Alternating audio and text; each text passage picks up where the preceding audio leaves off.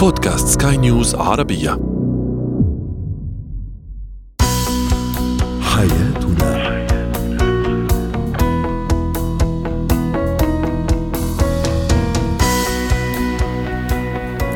مستمعينا الكرام أهلا بكم معنا إلى برنامج حياتنا برنامجكم اليومي الذي يعنى بشؤون الأسرة وباقي الشؤون الحياتية الأخرى والذي يمكنكم الاستماع إليه عبر منصة سكاي نيوز dot com slash podcast وباقي منصات سكاي نيوز العربيه الأخرى. معي أنا أمال شابه نتحدث اليوم عن لغة الجسد بين الشريكين. أيضا كيفية التعامل التربية السليمة والتعامل السليم مع ما يعرف بالطفل آخر العنقود أو الطفل المدلل. وأخيرا سنتحدث عن طريقة تنسيق القميص الحريري. هو وهي.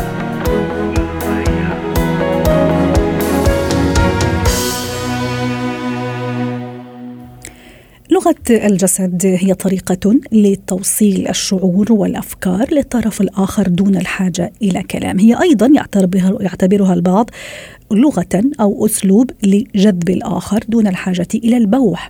الآخرون يعتبرونها أيضا وسيلة لمعرفة وتفكير شعور الطرف الآخر خاصة إذا كان الطرف الآخر كتوم. ما هي لغة الجسد بين الشريكين للحديث عن هذا الموضوع؟ ينضم إلينا عبر الهاتف من أبو ظبي دكتور ياسين, ياسين الزبيدي الخبير في التنمية البشرية. يسعد مساك دكتور ياسين. في البداية يعني ما هي لغة الجسد التي تدل أحيانا على انسجام بين الشريكين أحيانا على توتر العلاقة بينهما. آه، ما هي أهم هذه هذه الإشارات؟ آه، بداية السلام عليكم ورحمة الله وبركاته. السلام. آه، لغة الجسد نحن نسميها مجازا لغة الجسد ولكنها حقيقة هي لغة العقل الباطن. الإنسان بطبعه يتعامل ضمن بعدين. البعد الأول هو العقل الواعي اللي هو يمثل عادة 10% و90% اللي هو العقل الباطن. لذلك ممكن أن نعتبرها لغة عالمية. لا حاجة لأي لغة أخرى نستطيع أن نفهم بالمقابل آه، بغض النظر عن جنسيته أو عرقه.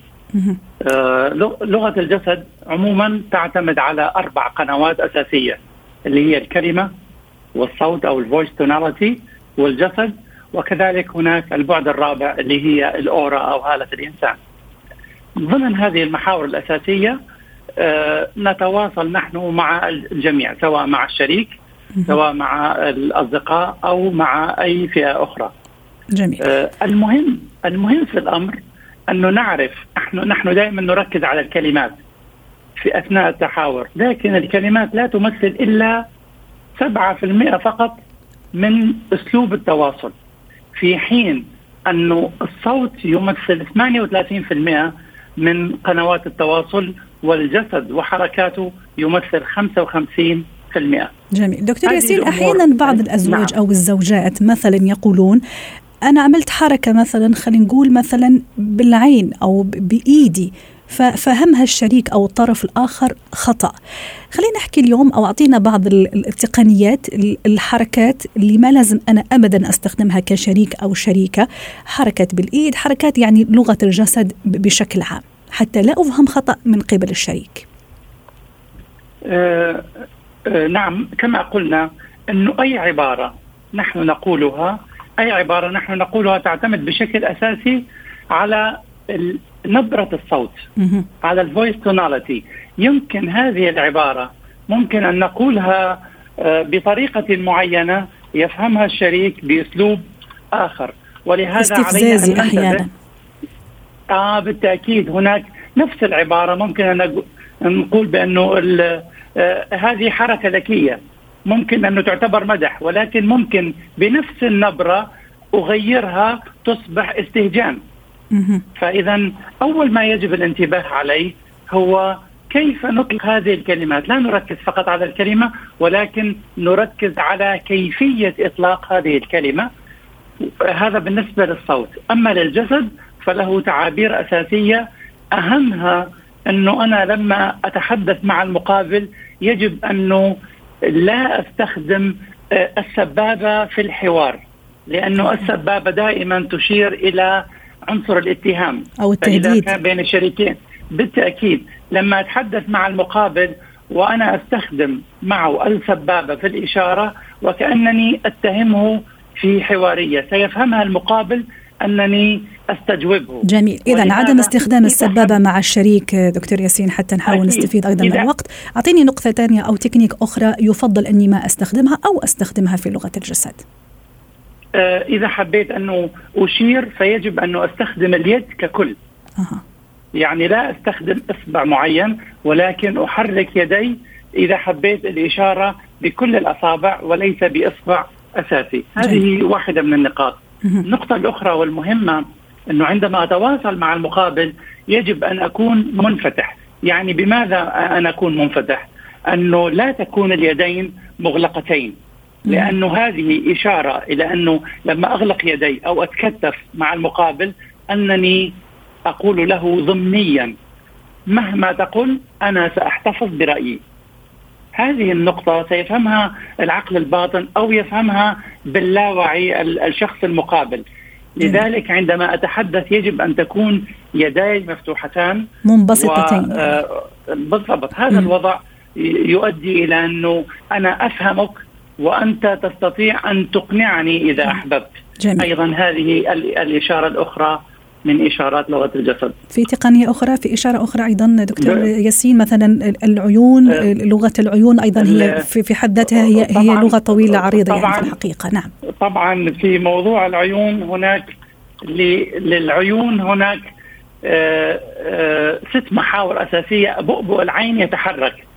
آه رغم إنه كثيرا كثيرا ما يقول مثلا الاتجاه بأعلى اليسار مثلا يؤدي إلى أنه نحن نفكر في نقطة معينة نختلق فكرة معينة. لا أريد أن آه، أدخل المستمعين في هذه الجزئية لأنه راح يتركون مال العين ويهتمون فقط بوضعية أو خلينا نقول حركة العين أو بؤبؤ العين، لكن هناك نقطة أساسية مهمة جدا وعليها يحدث كثير من المشاكل أنه الرسائل الرسائل أو رسائل الواتساب العادية اللي يتواصل بها الآخرين دائما يستخدم خلي الشخص يفهم أنه يستخدم في رسائل الموبايل أو الواتساب 7% من التواصل.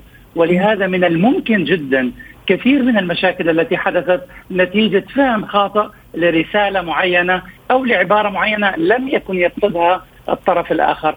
لماذا؟ لأنه 93% من عناصر التواصل الأخرى لم تكن حاضرة من خلال هذه الرسالة جميل. فلهذا يجب أن ننتبه إلى مثل هذه آه، الأمور يعني آه. حتى نختم دكتور ياسين أنه لغة الجسد فعلا آه، أنا لما أستخدم الإشارات الحقيقية أو الصحيحة بين قوسين آه، فكرتي ستصل سواء كانت بالإيجاب أو السلب والعكس صحيح إذا أسأت استخدام هذه اللغة ممكن سيساء فهمي من قبل الشريك وهذا موضوعنا اليوم حتى نختم. بالتأكيد هذا الأمر وهناك نقطة أخرى ووضعية أخرى جدا مهمة. الناس لما بيطلعوا مثلا إلى مطعم معين إلى فسحة معينة هناك آه، وضعية جلوس معينة يجب انه ينتبهون لها لأنه كثيرا ما تولد بعض الإشكاليات أو المشاكل معظم الناس أو معظم المحبين أو الأزواج لما بيطلعوا يظهرون بوضعية التقابل، يعني الرجل يقابل المرأة وهذه الوضعية عادة تؤدي إلى أنه كلا الطرفين يعتبرون الند للاخر والنقطة الأساسية والاصح والأصح أنه يجلسوا جنب بعض؟ نعم يجب أن يجلسوا جنب بعض لأنه إحنا لما نتمشى مع الأصدقاء نتمشى شولدر تو شولدر يعني كتف إلى كتف. لما بيجلس الشريك إلى كتف الشخص أو إلى جواره يعني كلاهما ينظر إلى نقطة واحدة فما يحدث الاختلاف في حين على على العكس لما كلاهما واحد يقابل الآخر كلا وجهتي النظر تكون مختلفة. نعم هذه يجب أن تؤخذ في نظر الحس في الحسبان شكرا لك دكتور ياسين الزبيدي الخبير في التنمية البشرية ضيفنا من أبو ظبي.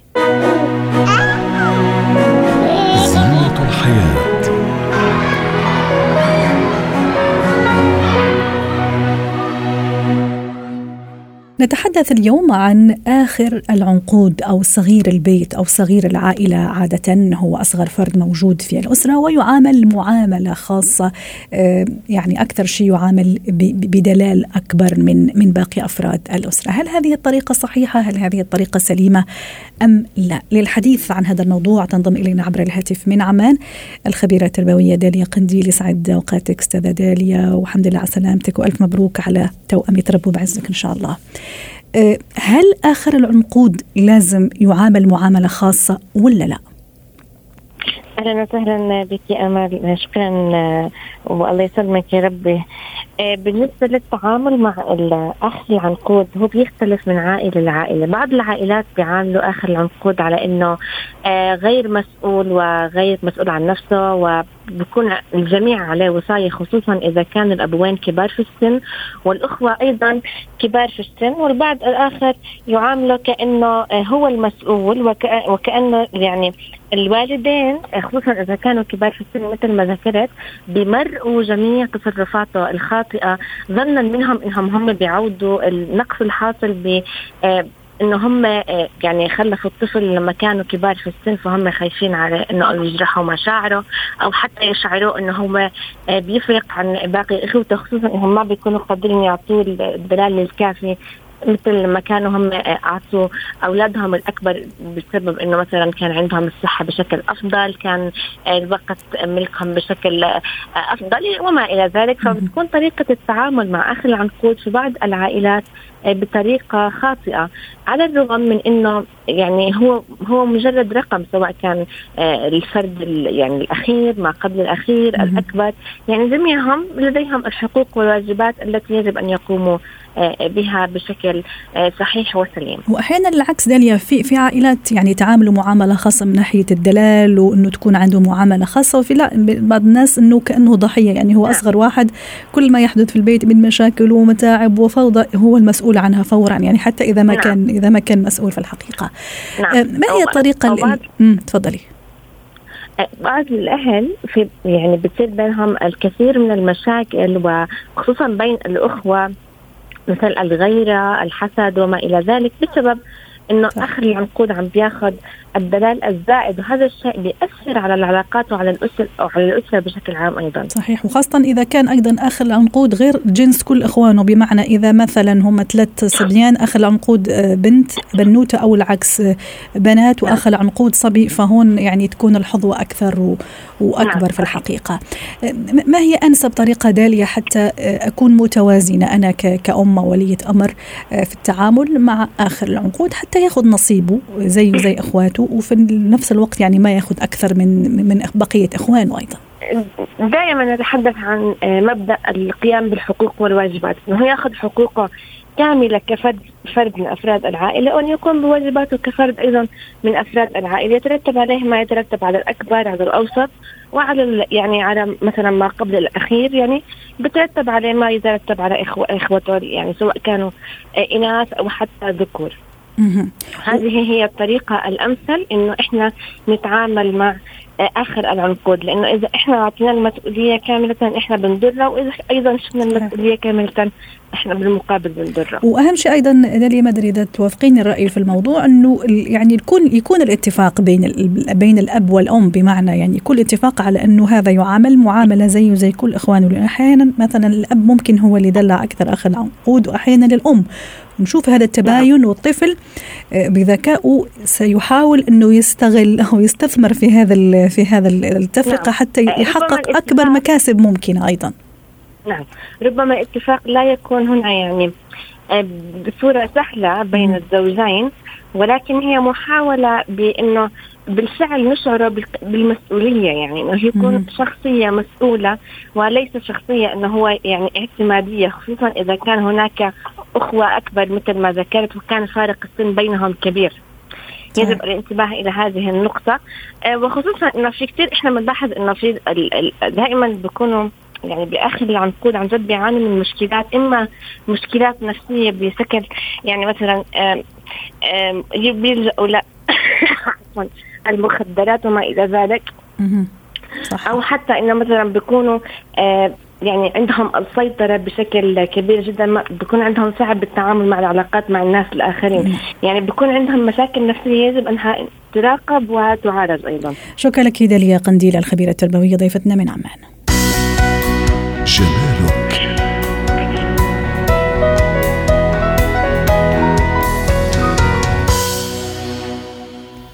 في فقرة الجمال نتحدث اليوم عن الموضة آه، والحديث تحديدا عن كيفية تنسيق القميص من الحرير أو القميص الحريري للحديث عن هذا الموضوع تنضم إلينا عبر الهاتف شيرين كيروز الخبير خبيرة الموضة يسعد أوقاتك شيرين. دائما كنا كان عندنا اعتقاد أنه أي شيء حريري ملمسه حريري هو يصلح أكثر شيء للسهرات لكن يبدو أنه القاعدة شوية خرجت عن عن المألوف وصرنا نشوف مثلا قميص الحريري نلبسه مثلا في الصباح ممكن في العمل أو في في في دعوات الغداء وما إلى ذلك، ما هي الطريقة أو الطرق اللي ممكن ان ننسق فيها آه، القميص الحرير مع آه، بقية الملابس الأخرى وفي كل الفترات فترات اليوم؟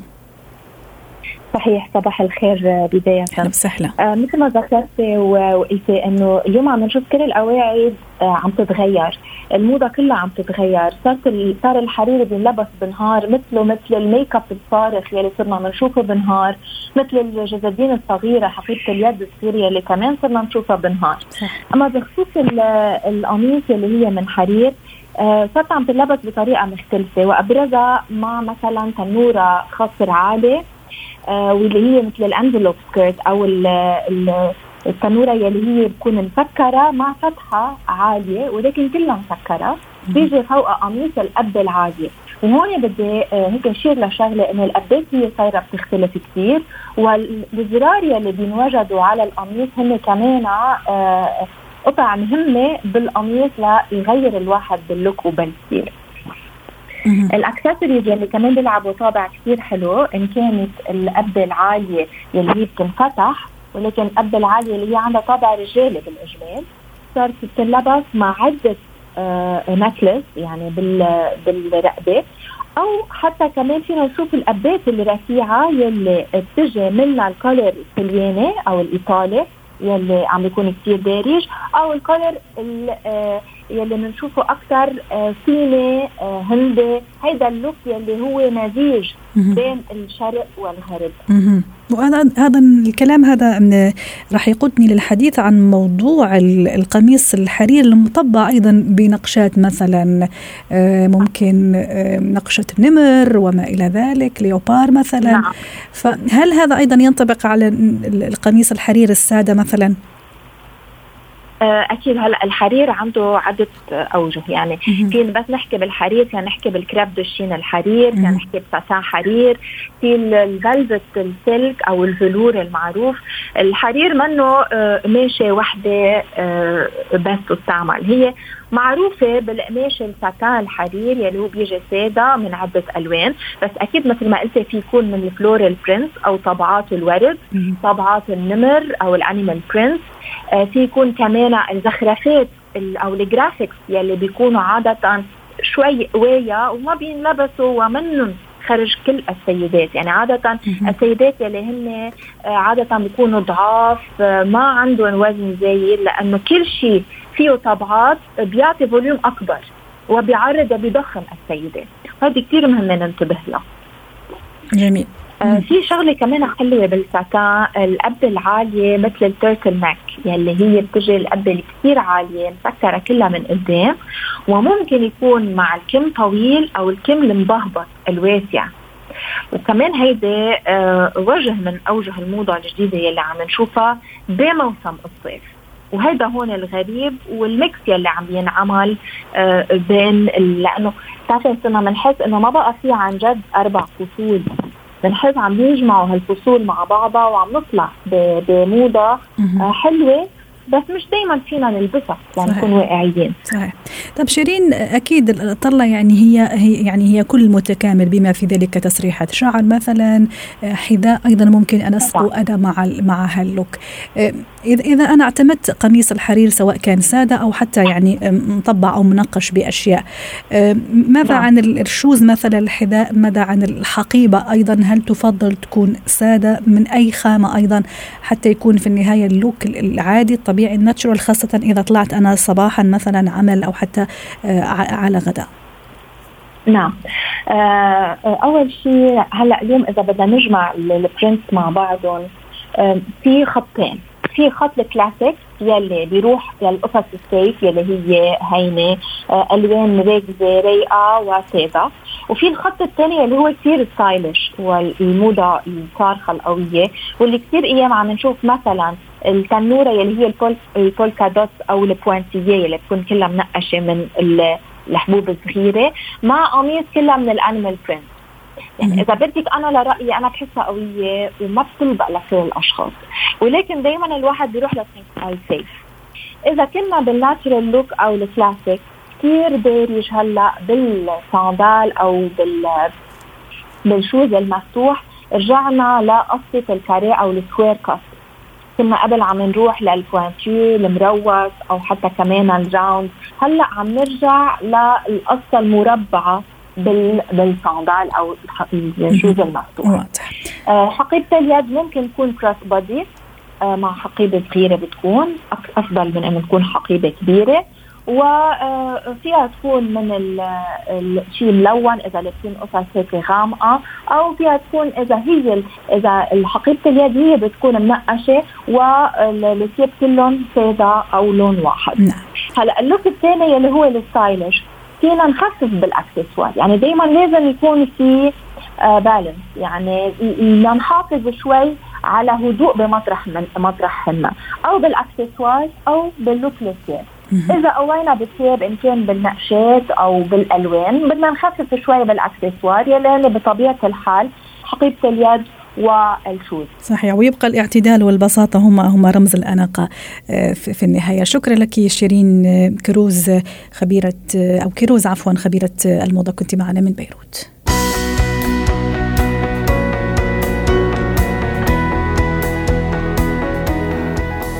ختام برنامج حياتنا. شكرا لكم وإلى اللقاء.